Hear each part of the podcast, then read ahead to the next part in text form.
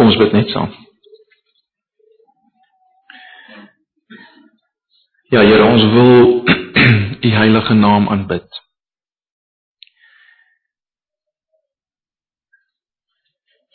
Ons wil u eer besing. Soos ons ook verlede Sondag gesien het, ons bestaan om u te eer.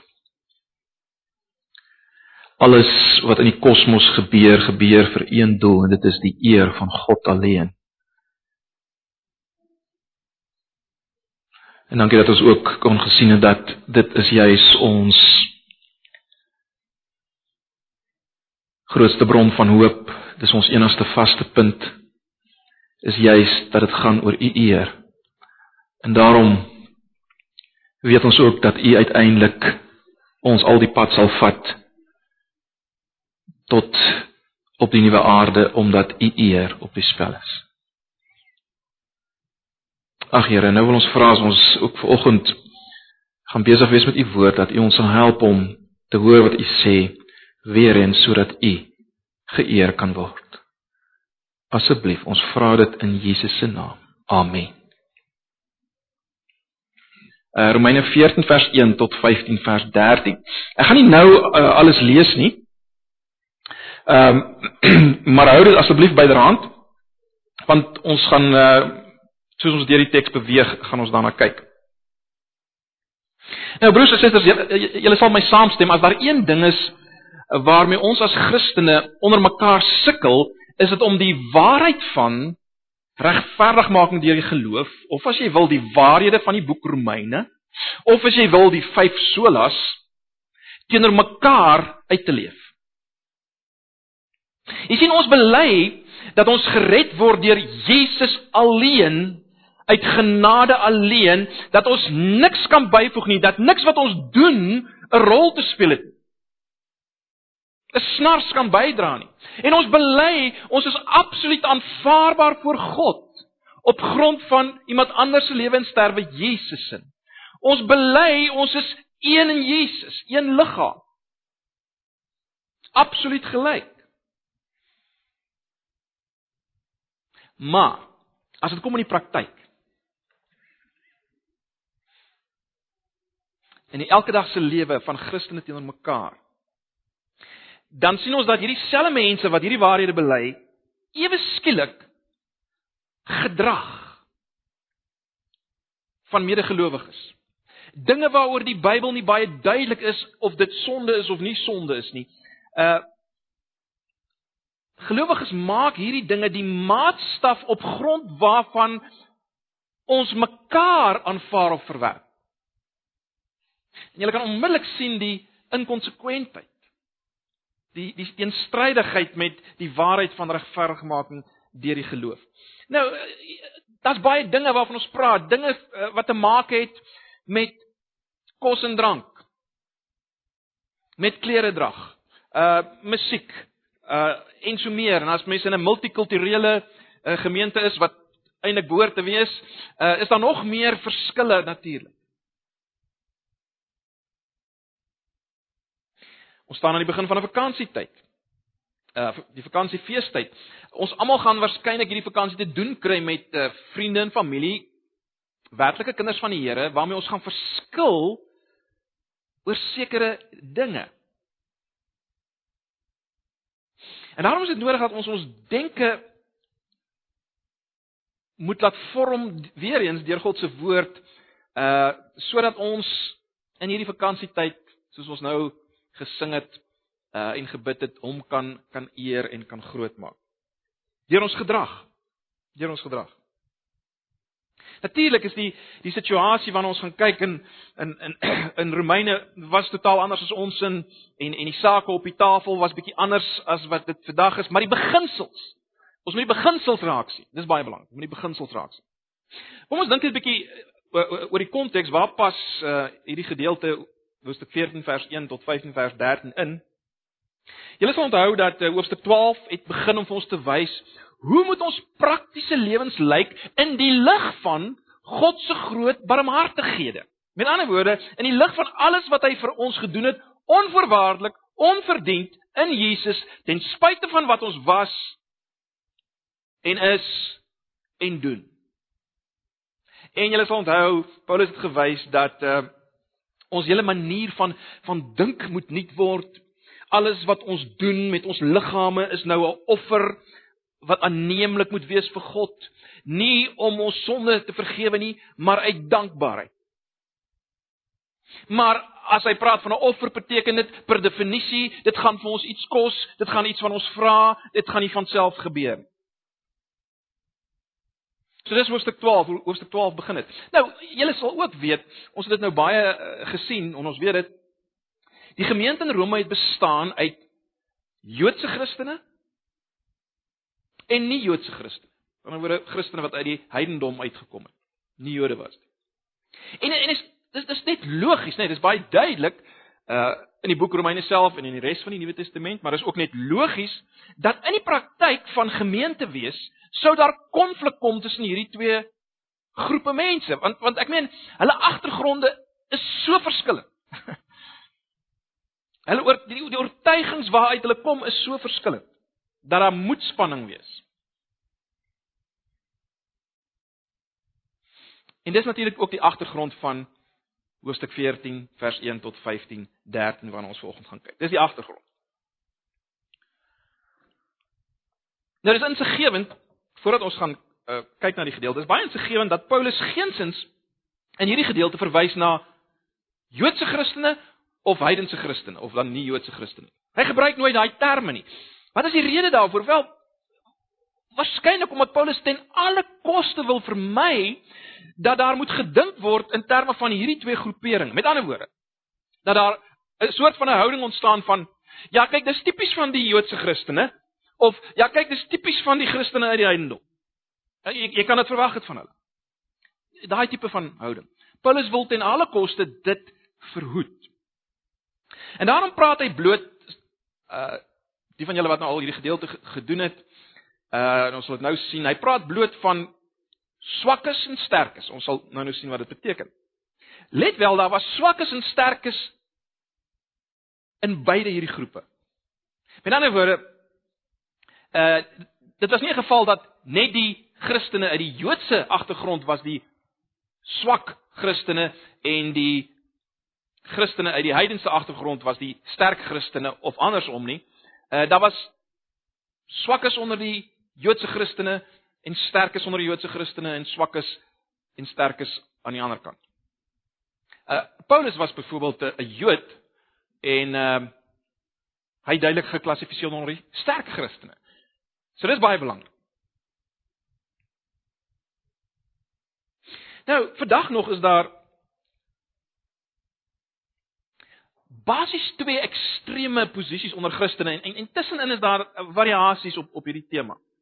Maar dit is basies twee uh ekstreme posisies onder Christene. En let wel ek praat van Christene, nie ouens wat net 'n naam Christene is of nog nooit uh, tot bekering en tot geloof gekom het.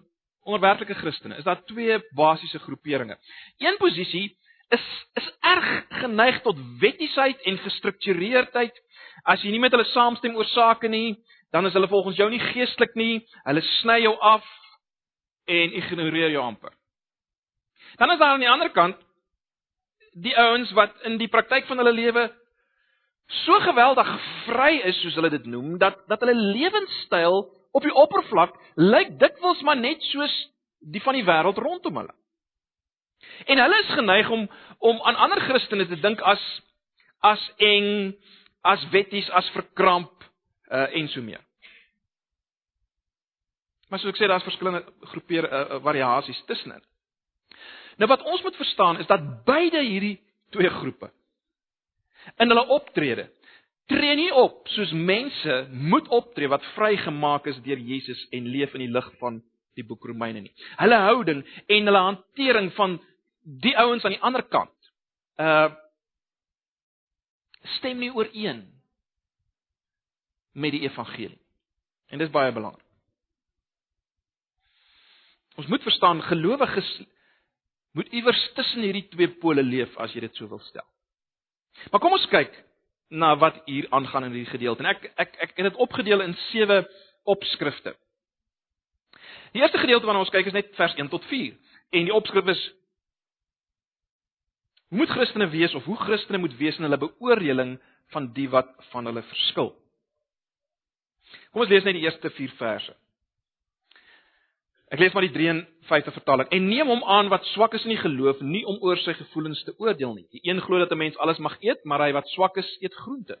Hy wat eet moet hom wat nie eet nie nie verag nie, en hy wat nie eet moet hom wat eet nie oordeel nie, want God het hom aangeneem. Wie is jy wat die huiskneg van 'n ander oordeel? Hy staan of val met betrekking tot sy eie Heer, maar hy sal staande bly want God is magtig om hom staande te hou. So Paulus begin om te sê ons en hy impliseer uh uh uh hy impliseer baie duidelik hier die die sterkes uh moet die wat jonk en onervare in die geloof is of dan die swakkes aanvaar sonder om hulle te oordeel. Wie is die wat swak is in die geloof waarvan hy praat in vers 1? Ons het dit al genoem, maar, maar kom ons dink daaroor. Dit is baie belangrik Paulus verwys nie hier na ouens weer eens wat nog nie werklik Christene is nie. Met ander woorde wat nog nie werklik in Jesus glo nie. Hy verwys ook nie na ouens wat swak is in die groot waarhede of leerstellings van die geloof en en en valshede verkondig. Hy verwys ook nie na ouens wat nou al vir 30 jaar 'n Christen is en nog niks gegroei het nie, maar net met almal rondom hom of haar verskil nie. Ek meen dit is moeilik om iemand te laat struikel as hy glad nie beweeg nie, né? Ehm uh, hy praat later van struikel. So dis nie waarvan hy praat nie. Nee. Paulus praat as hy verwys na die swakkes.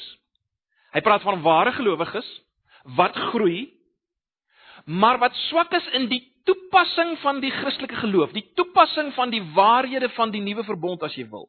Op al die groot areas van of op al die areas van wat ek wil noem twyfelagtige dinge. Met ander woorde, dis dinge waaroor die Bybel nie spesifiek iets te sê het nie en wat jy ook nie kan aflei uh wat die toepassing van die Nuwe Testamentiese waarhede op hierdie area sal wees nie. Dis net nie duidelik nie. Dis waaroor dit gaan. Die swakkes is die wat swak is in die toepassing van hulle Christelike geloof op al hierdie areas van twyfelagtige dinge. Baie belangrik, dit gaan hier spesifiek oor gedrag, nie leerstellings nie. Ek weet ons as Christene skiet mekaar ook af en vernietig mekaar op eh, as gevolg van verskil in leerstellings. Uh dis eintlik 'n ander onderwerp. Dis nie presies eintlik waaroor dit hier gaan nie. Hoewel sekere van die beginsels ook daarvan toepassing is. Maar hier gaan dit spesifiek oor gedrag. Die eerste illustrasie wat Paulus hier gebruik, het te maak van die eet of nie eet van vleis nie. En natuurlik moet mense dit verstaan in die lig van weer eens die die situasie tussen Jode en heidene. Uh gaan lees maar Handelinge 15 sal julle sien dit was 'n groot issue geweest uh, watter vleis jy mag eet of nie eet nie en so meer. Die sogenaamde sterk Christene was die wat geweet het dat wel hulle kan enigiets eet. Uh Jesus het alles rein verklaar in Markus 7. Uh Petrus het die visioen gekry op die op die dak dat uh, niks is meer onrein nie. Uh en dat uh die evangelie is ook vir die heidene en uh, heiden hoef nie 'n Jood te word as hy tot bekering kom nie. Verder het die het die sterk gelowiges uh geweet dat hierdie goed is nie meer bindend nie. Die die die voedselwette is nie meer bindend nie. Uh dit wat Paulus gewys het in Romeine 7 se eerste verse is, is so belangrik. Ons is klaar met die wetsbedeling. Ons is as te ware dood daarvoor. Ons is nie meer in 'n huwelik daarmee nie.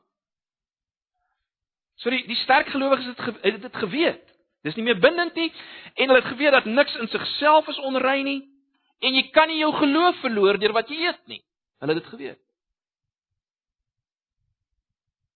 Maar daar was Joodse Christene wat groot geword het onder hierdie kan mens sê dieetwette, voorskrifte van die wet van Moses. En dit was eenvoudig net nie so maklik vir hulle almal om nou ewe skielik varkvleis te eet en en vleis te koop wat uh, in die tempels gebring is vir die afgode nie. Dit was nie, dit was net nie so maklik vir hulle nie.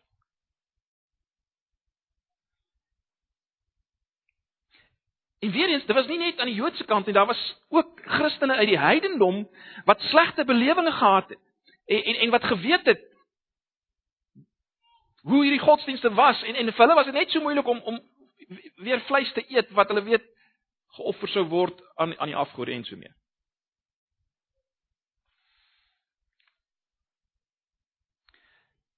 Natuurlik was daar die Christene gewees, die gelowiges wat oor tyd besef het ehm uh, hulle kan alles alle vleis eet. Hulle het begin nie dink daaroor. Maar ander nie. Ander het bly sukkel. Daar was gelowiges wat hulle hele lewe bly sukkel het daarmee. So die vraag is wat nou in die praktyk? Wat wat nou? En nou kom Paulus en hy maak dit baie duidelik dat die sogenaamde sterk Christene, die ingelig ingeligte of volwasse gelowiges net soos jy hulle wil noem, moet nie neerkyk op op op ander ouens wat 'n probleem het om hierdie vleis te eet. Hulle moet nie neerkyk op hulle nie. En dan maak Paulus 'n baie belangrike punt. Of hy gebruik 'n baie belangrike beeld. Hy gebruik die beeld uh van slawerny. 'n Slaaf wat werk vir 'n baas. En die punt wat hy wil maak is dit: luister. Hierdie gelowiges wat verskil met julle oor hierdie saak van die eet van vleis al dan nie. Hierdie gelowiges werk nie vir julle nie. Is nie in julle diens nie. Hulle is in diens van God. Hulle is om die beeld te gebruik slawe van God. En en en dit was natuurlik algemene kennis dat jy nie 'n ander persoon se slaaf kon geoordeel het nie. En daarom per definisie net so min kan jy 'n ander Christen oordeel Hy's nie in jou diens nie. Hy werk nie vir jou nie. Om die waarheid te sê, dis geweldig aanmatigend en geweldig hoogmoedig om dit te uh, dis dis 'n geweldige teken van hoogmoed om dit te doen. Los dit. Dit baie interessant. Paulus sê, luister, God is in staat om hierdie ander persoon te laat staan. En ek wonder of ons dit altyd glo met betrekking tot ander gelowiges. Ons wil so graag seker maak baie keer dat ander gelowiges, ander Christene nie val nie. Dat hulle moet dink soos ons, want dan sal hulle nie val nie. Dis hoe ons redeneer baie keer. Ons is so bang hulle is dalk van die pad af wat betref hulle gedrag. Paulus sê God. Hulle is in God se diens. Los dit. Laat los. Los. God sal hulle staan hou. Dit is natuurlik moeilik vir ons, né? Nee, beide kante toe. Onthou beide kante toe. Die sogenaamde swak ouens kritiseer hierdie ouens wat vleis eet. En die sterk ouens kyk neer op hierdie ou ouens wat nie meer wat nie wil vleis eet. Van beide kante af. Die punt is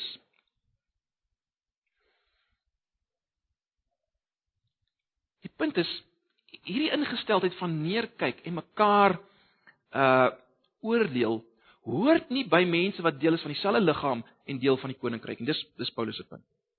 Maar dit bring ons by 'n tweede opskrif. Christene moet hulle keuses nou mens kan sê deur geloof maak of miskien is dit deur geloofs-oortuiging of deur gemoedsoortuiging maak. Dis wat ons kry in vers 5 tot 8. Luister net. Die een ag die een dag bo die ander, die ander ag al die dae gelyk. Laat elkeen in sy eie gemoed ten volle oortuig wees. Hy wat die dag waarneem, neem dit waar tot eer van die Here, en hy wat die dag nie waarneem nie, neem dit nie waar tot eer van die Here. En wie eet, eet tot eer van die Here, want hy dank God, en wie nie eet nie, eet nie tot eer van die Here nie, en hy dank God. Want niemand van ons leef vir homself nie en niemand sterf vir homself nie. Want as ons lewe, leef ons tot eer van die Here en as ons sterwe, sterf ons tot eer van die Here of ons dan lewe en of ons sterwe, ons behoort aan die Here. Nou Paulus uh gebruik hier weer die voorbeeld van uh, dae spesifiek en hy, hy wys daarop dat die sterk Christen beskou alle dae gelyk. En dis natuurlik Paulus se lering in in byvoorbeeld Kolossense wat hy wys dat al hierdie dae was eintlik maar afskaduwinge van van Jesus en en en daarom is is daar nie 'n onderskeid tussen dae nie. Maar weer eens was daar sommige van die gelowiges in hierdie gemeente wat steeds sommige dae meer heilig beskou het en dit as te ware nodig gehad het vir hulle geestelike gedrag om hulle geestelike gedrag te orden en so meer. En natuurlik broers en susters om dit nou na 'n bietjie nader na ons te bring, eh, vandag nog is daar 'n verskil onder Christene byvoorbeeld oor die Sondag. Ehm um, baie van ons het groot geword in 'n huis waar jy op die Sondag niks kon doen nie. Hoogstens 'n groot bord kos eet en dan moet jy die res van die dag lê en slaap. Maar eh, 'n mens groei op en jy jy verander in jou denke rondom die verstaan van die nuwe verbond en so meer en en jy besef is nie meer so bindend en beperkend nie. Maar dit mag selfs wees dat jy steeds sekere dinge op 'n Sondag nie doen nie, juis omdat jy weet ander Christene uh het nog 'n probleem daarmee wat naby aan jou is. Maar hoe dit ook al sê, die hoofpunt is hier dat ons almal het nie dieselfde uitkyk op hierdie hierdie dinge nie. Maar weer eens belangrik. As ons osself as meer geestelik beskou as die ander een en begin veroordeel en kritiseer, is daar groot fout. Onthou weer eens dit gaan hier oor oor hierdie twyfelagtige dinge. Dis nie van toepassing op valse leerstellings en duidelike sonde nie. Onthou dit net heeltemal. So Paulus se beginsel vir twyfelagtige dinge is dit: jy moet oortuig wees in jou eie gemoed. Dis 'n saak van persoonlike oortuiging gebaseer op jou verhouding met die Here Jesus, jou geloof in Jesus. En, en daarom durf jy nie iets doen as jy ernstig daaroor twyfel nie, want dan leef jy nie volgens daai beginsel nie. Dis baie interessant. So jy moet in die praktyk die dinge wat jy doen wat wat as twyfelagtig beskryf kan word, jy moet daardie dinge as te ware deurdink en toets en jy moet seker wees dat jy ten volle oortuig is dat in die lig van waar jy nou is in jou verhouding met die Here Jesus, jy daardie dinge kan doen sonder dat jou gewete jou aankla. En dat jy dit doen nie omdat ander vir jou sê jy moet dit doen nie. Jy sien elke ding moet ondersoek word deur 'n gelowige. Alles wat jy doen, wat jy aantrek, of jy rook of nie rook nie, al hierdie dinge moet ondersoek word, jy moet daaroor dink. En jy moet baie seker wees jy kan dit doen met 'n skoon gewete vir die Here wat in jou leef en in wie jy is. Die punt wat Paulus maak en uh, dit is baie duidelik deur die hele gedeelte is dat as jy onseker is oor twyfel oor iets wat jy doen, dan is dit vir jou sonde. Dan is dit vir jou sonde. Al sê die woord niks daaroor nie. Baie interessant. En, en en hier kom Paulus weer en hy hy hy wys dat ons is nie meer onder die wet nie, maar onder genade. So wat nou belangrik is is wat wat in die hart aangaan. Ons leef nooit meer los van Jesus nie as Christene nie. Ons hoofbesorgdheid moet altyd wees kan ek hierdie ding doen met Jesus in my? Met die Heilige Gees in my? Kan ek hom daarvoor dank? Kan ek hom eer? En dis waaroor dit hier gaan.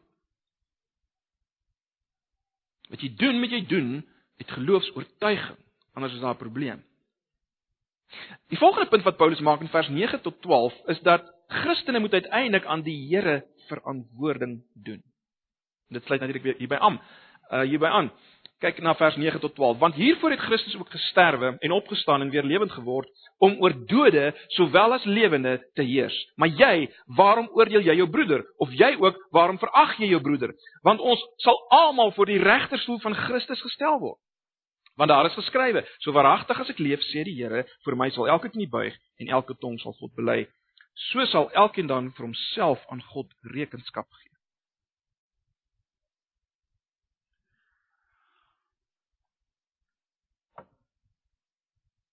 Hele punt hier is is dit, ons leef ten diepste voor God, nie vir mense nie. Ons gaan uiteindelik verantwoording doen vir God, nie vir mense nie. Almal, ook jy, sal eendag voor die regterstoel van God verskyn, voor die regterstoel van Christus soos hy dit hier stel verskyn. En God sal daar oor jou let wel jou dade oordeel, nie die skuld van sonde nie. Uh hierdie hierdie verskyn voor die regterstoel van Christus is is in sekere sin iets anders as die finale groot oordeel. Ek wil nie nou daarop ingaan nie. Die groot punt is dit.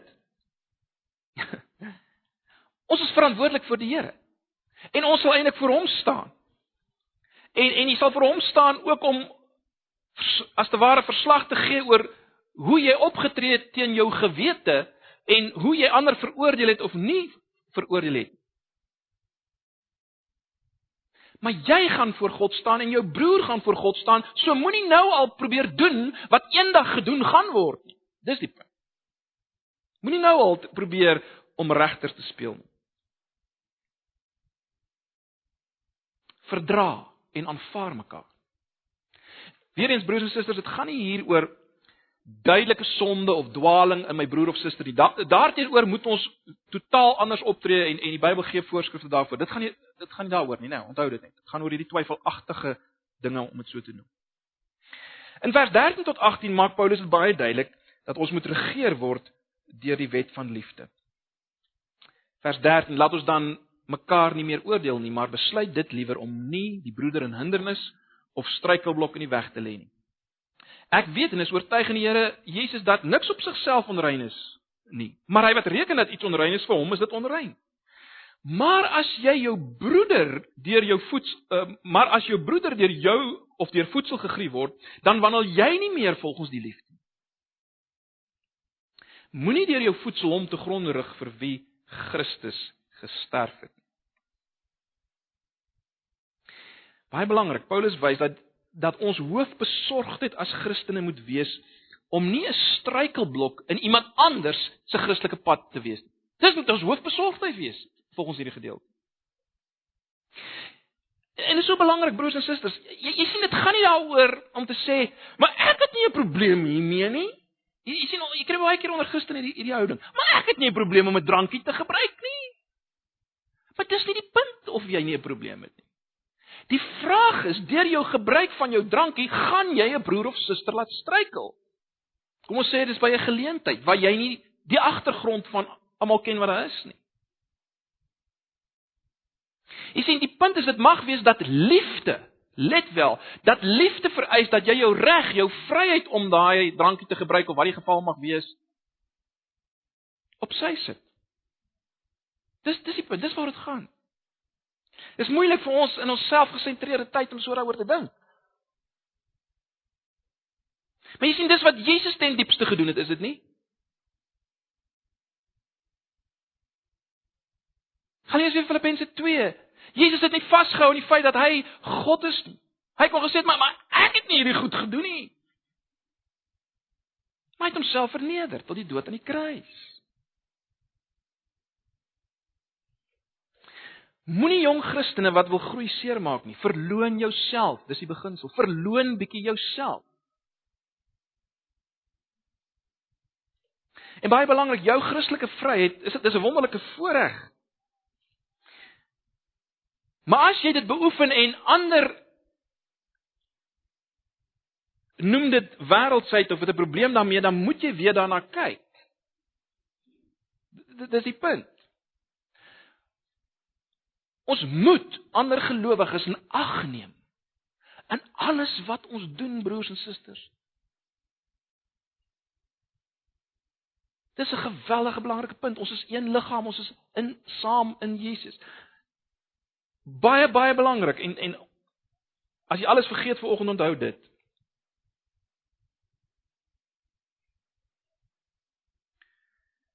Die uiteindelike doelwit Die rede vir al ons aktiwiteite moet die koninkryk van God wees. Luister hoe stel Paulus dit in vers 17. Wat is die koninkryk van God? Hy sê want die koninkryk van God is nie spys en drank nie, maar geregtigheid en vrede en blydskap in die Heilige Gees. Dis waaroor die koninkryk van God gaan. Mens kan nou daar nog baie ander dinge byvoeg. Die koninkryk van God is nie hierdie instrumente en daai instrumente of hierdie ding of daai ding of geregtigheid en vrede en blydskap in die Heilige Gees. Dis die koninkryk van God. Al die ander goeders.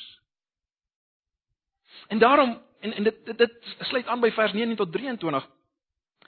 Omdat dit so is, omdat dit gaan oor die koninkryk van God wat bestaan uit geregtigheid en vrede en blydskap in die Heilige Gees, moet Christene die vrede en die wederwysige opbouing van mekaar as hoofdoel hê. Dis vers 19 tot 23.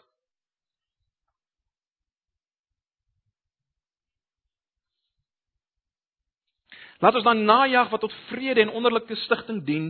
Moenie ter wille van voedsel die werk van God afbreek nie. Alles is wel rein, maar dit is nie verkeerd vir 'n mens om te eet as dit tot aanstoot, maar dit is verkeerd vir 'n mens om te eet as dit tot aanstoot is. Dit is goed om geen vleis te eet of wyn te drink of iets te doen waardeur jou broeder aanstoot neem of struikel of waarin hy swak is nie. Het jy geloof, behou dit vir jouself voor die aangesig van God. Gelukkig is hy wat homself nie oordeel in wat hy vir geoorloof ag nie. Maar hy wat twyfel as hy eet is veroordeel omdat dit nie uit die geloof is nie en alles wat nie uit die geloof is nie is sonde. Ons het reeds daaroor gepraat. Ekskuus, ek sien ek het net nou nie vers 16 tot 18 gelees waar dit gaan oor die koninkryk van God nie, maar is is baie duidelik. Julle sien dit daar, né, in vers vers 17 spesifiek gaan dit oor die koninkryk van God. Nou hier's baie hoofpunte wat in hierdie gedeelte gemaak word in vers 9 tot 23, maar wat is die groot tema? Vrede, eenheid en wederwysige opbouing. Enige iets wat vrede, eenheid en wederwysige opbouing vernietig, is 'n probleem binne die gemeenskap van gelowiges, binne 'n gemeente. Enige iets. Vers 19 maak dit duidelik. Laat ons dan najag. Die engel sê, "Let us make every effort." Dis 'n sterk oproep, broers en susters. Jy sien apatiese onbelangstellendheid wat betref ander se geestelike groei is onaanvaarbaar. Ons moet die koninkryk najag en die koninkryk wel geregtigheid, vrede en die vreugde in die Heilige Gees is die waardes van die koninkryk. As ons dit najag, word die liggaam opgebou. So as jy 'n persoonlike oortuiging het wat verskil van ander, hou dit vir jouself as dit nie op die tafel kom nie. En verder meer, wat ook al jy doen, doen dit uit oortuiging. Geloofs-oortuiging in die lig van van dit wat jy is in Jesus en waar jy staan. Uh Paulus beklemtoon dit hier in hierdie gedeelte, né? As jy iets doen wat nie uit geloofs-oortuiging is nie, is dit sonde. En miskien het julle gewonder oor die verwysing na ehm um, uh na oordeel. Gelukkig is hy het homself nie oordeel in wat hy geoorloof ag nie. Vers 22, miskien wonder jy daaroor. Ehm um, dit gaan natuurlik nie oor dis nie dieselfde ding as Romeine 8 vers 1 wat sê daar's nou geen veroordeling meer vir die wat in Jesus is nie. Nee, dit gaan hier oor jou gewete wat jou wat jou veroordeel. Is baie belangrik die gewete broers en susters in die rol van die gewete. Dit is baie belangrik om nie teen jou gewete te sondig nie. Hoekom nie? Want wat gebeur as gelowige sondig en dit word nie bely nie? In die algemeen, wat gebeur as gelowige sondig en dit word nie bely nie? Wel, daar's skuldgevoelens, daar's gemeenskap met Christus, bewuste gemeenskap met Christus wat verbreek word. Uh jou bruikbaarheid word beïnvloed. Natuurlik, jy's steeds 'n kind van God. Jy's steeds deel van die familie van God, maar maar jou vreugde en jou gemeenskap word beïnvloed. En as jy teen jou gewete son eh, teen jou gewete oortree en 'n sonde, dan beteken dit dis wat gaan gebeur. Daarom is dit so belangrik om nie teen jou gewete te sondig nie. Uit geloofs-oortuiging hierdie dinge te deurdink uh en in die lig daarvan te leef.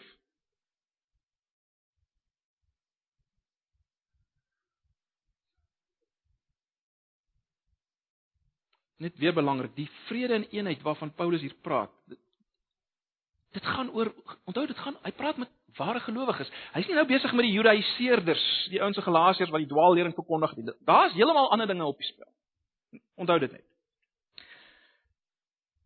Vers 1 tot 3 van Romeine 15.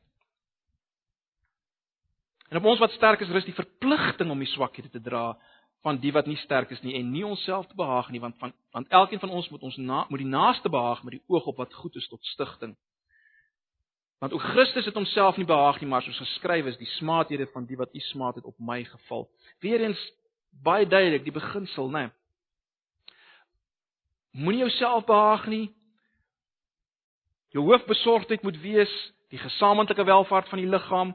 Uh as daar 'n sogenaamde swak Christen is wat op enige manier leed ly, jy kan nie 'n houding hê van dis nou tyd dat hy moet volwasse word of sy moet volwasse word of net dit los nie.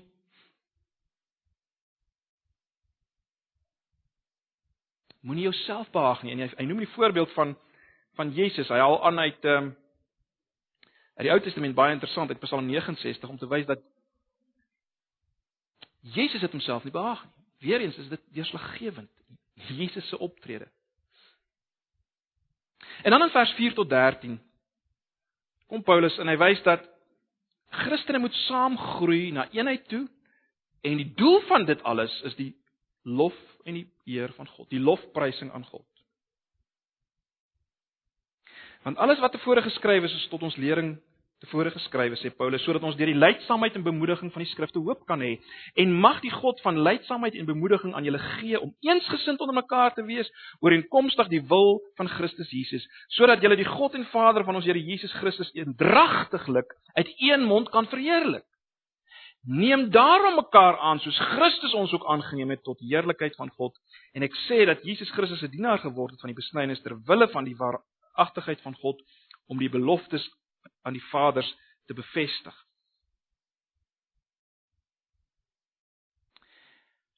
En dat die heidene ter wille van sy barmhartigheid God kan verheerlik. Vers 9 soos geskryf is. Daarom sal ek U loof onder die nasies en tot eer van die naam psalms sing en vers 10. En ook sê hy verbly julle o nasies saam met sy volk. En ook loof die Here alle nasies en prys hom alle volke. En Jesaja sê ook die wortel van Isaia sal daar wees en hy wat op uh, opstaan om oor die nasies te heers, op hom sal die nasies hoop. En mag die God van die hoop julle vervul met alle blydskap en vrede deur die geloof dat julle oorvloedig kan wees in die hoop deur die krag van die Heilige Gees. Paulus begin om te wys dat dat alles weer eens dat alles wat geskryf is in die Ou Testament het waarde vir ons. En natuurlik moet dit gelees word in die lig van Christus. Ek wil nie nou daarop uitbrei nie. Maar maar belangrik Paulus wys dat dit is God wat ons wil hoop gee deur die skrifte. Dis God wat ons wil leer deur die skrif.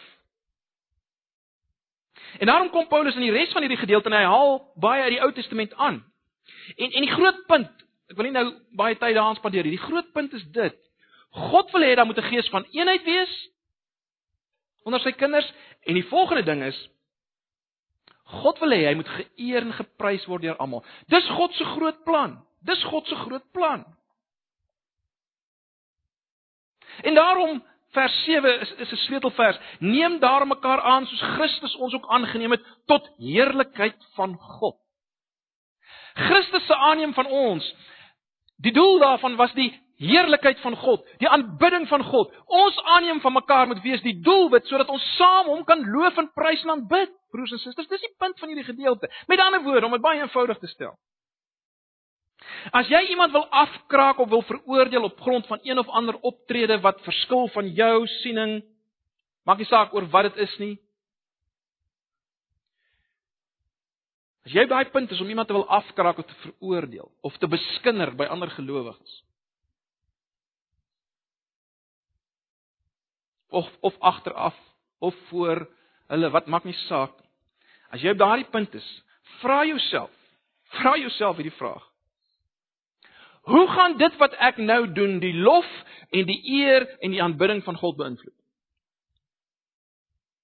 Vra dit vir jouself. Jy sien broers en susters, ons moet ons moet dit kom maar weer by by dit kom maar weer terug by die punt van verlede Sondag, nê, nee, die eer van God alleen. Wat gaan gebeur as jy ander gelowige afkraak of kritiseer? Maak nie saak of jy aan hierdie kant is, die swak kant of die sterk kant is nie. Wat gaan gebeur? Gaan dit veroorsaak dat daar punt om 'n een eenheid kom? Onthou, dis God se plan. Uit, uit hierdie gedeelte is dit duidelik, dit was nog altyd God se plan. Hierdie eenheid wat moet sigbaar word in die gemeente. Gaan dit wat ek nou doen lei daartoe dat daar eenheid is wat sal lei tot aanbidding van God uit een mond en lof van God? Dit wat gaan gebeur as ek nou hierdie persoon afkrak of kritiseer of iets lelik van hom of haar sê? Geweldig, is dit nie? Jy sien baie keer gee ons eintlik nie 'n snars om daaroor nie. Dit gaan oor my. Ek is reg en hy is verkeerd. Ons maak groepe en so meer. Ag broers en susters, mag die Here ons help om ons denke te verander in die lig van hierdie gedeelte. Ek wil afsluit met vers 13. Mag die God van die hoop julle vervul met alle blydskap en vrede deur die geloof dat julle oorvloedig kan wees in die hoop deur die krag van die Heilige Gees. As jy hoop verloor het vir eenheid met ander gelowiges, hoop verloor met jou eie worstelinge. Paulus noem God die God van hoop. Ons hoop is op hom gebou. Hy is die een wat ons kan oplig. Ag broers en susters, as ons nou hierdie vakansie ingaan, vakansietyd, en ons kry met te doen met gelowiges wat verskil van ons, wel leef in die lig van hierdie gedeelte. Leef in die Ek weet nie of my as 'n vraag hoor nie. Sy vra uh, watter dinge is hierdie dinge wat alles kan val onder hierdie kategorie? Ek mense mense is bang om dinge spesifiek te noem want natuurlik in Paulus se geval het dit spesifiek gegaan oor dinge wat nog oorgedra is uit die ou verbond, nê, nee, wat spesifiek het dit gegaan oor oor uh, oor hou van dae en feeste soos in die ou verbond en die eet van vleis en so aan. Ek dink wel mens kan die beginsel deurtrek na ander dinge ook wat wat nie duidelik deur die skrif aangespreek word, is dit nou sonde of is dit nie sonde nie? Dinge wat te doen het met gedrag. Met Christelike gedrag. Byvoorbeeld, uh daar sekere kringe wat baie sterk veroor wat 'n Christen behoort aan te trek en nie aan te trek. Wat 'n Christen uh ek kom uit so agtergrond uit. Is is 'n uh, daar sekere sendingorganisasies en so wat voel 'n Christen vrou behoort nie juwele te dra nie. Dit pas nie by dis hulle sien dit letterlik begin beweeg na die rigting dat dit sonde is of 'n broek dra nie. Dit sou een voorbeeld wees. Ehm um, Musiek om nou die saak aan te raak. Ek bedoel, ek weet dis 'n dis 'n dis 'n saak waar baie verskil is. Sommige ouens voel net Christene behoort nie ehm um, bevoel in in die, in die kerk dromme te gebruik of gitare te gebruik. Jy sien met daar's geen duidelikheid in die skrif daaroor nie. Maar dit word dinge waarop ander veroordeel word of beoordeel word. Ehm um, rook. Ons weet almal rook is baie sleg vir jou. Uh ek het groot geword in in in in 'n tradisie waar mense wat uh, gerook het nie sommer beskou is as Christene nie. Jy sien is maar die, die, Jy sien jy kan afleidings maak uit die skrif. Ons weet dis nie gesond nie, reg en so nie, maar daar's nie dis nie duidelik nie. Dis 'n twyfelagtige ding. So dis 'n voorbeeld, maar meer daar's nog, daar's daar's nog dinge. So mense maar self daaroor gaan dink. Ek wil nie Dis maar 'n paar waarna kan dink. Dalk kan julle aan meer dink. Maar dis die dinge waar hierdie beginsel toegepas moet word. Die beginsel van moenie myself behaag. Ehm um, die eenheid en God moet aanbid word ongelowiges. Onthou ons praat van wa weer eens ware gelowiges wat verskil oor die goeters. Ons praat nie van ouens wat in elk geval nog totaal wêrelds is en hulle noem hulle self Christen maar is. Dit gaan oor werklike Christene wat oor hierdie dinge verskil en ernstig voel hieroor, hoor. Baie ernstig voel oor hierdie goeters. Ehm um, Ja, die hele area van musiek kan mens nog verskillende ander goed insit, jy weet. Watter watter tipe genre van musiek kan Christene luister of nie en so meer. Uh binne gemeente binne gemeente konteks uh kan mens vers, kan Christene verskil oor hoe jy moet aantrek in 'n gemeente. Daar's daar sekere uh, Christelike kringe waar dit totaal onaanvaarbaar sal wees byvoorbeeld vir 'n ou om in 'n kortbroek in 'n gemeente in in in 'n erediens in te kom. Sonde. Daar's verskille oor. So, weet ek vir jou vraag. Maar broers en susters, ja, kom ons uh, dit, dit is 'n belangrike onderwerp hierdie dink ek. Ehm um,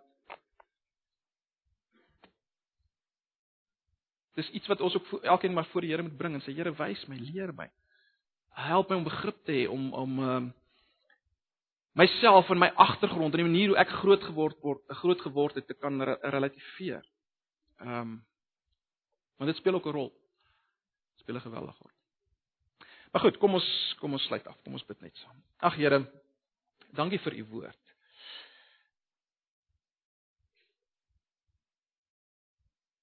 Dankie in die eerste plek weer eens vir u groot barmhartigheid oor ons in Jesus Christus. Dankie dat u ons aanvaar en vrygespreek het op grond van Jesus se lewe en sterwe in ons plek. Ag Here, gee vir ons hierdie hierdie liefde vir mekaar. Ons medebroers en susters, verdraagsaamheid, barmhartigheid, liefde. Asseblief. Ons vra dit in Jesus se naam. Amen.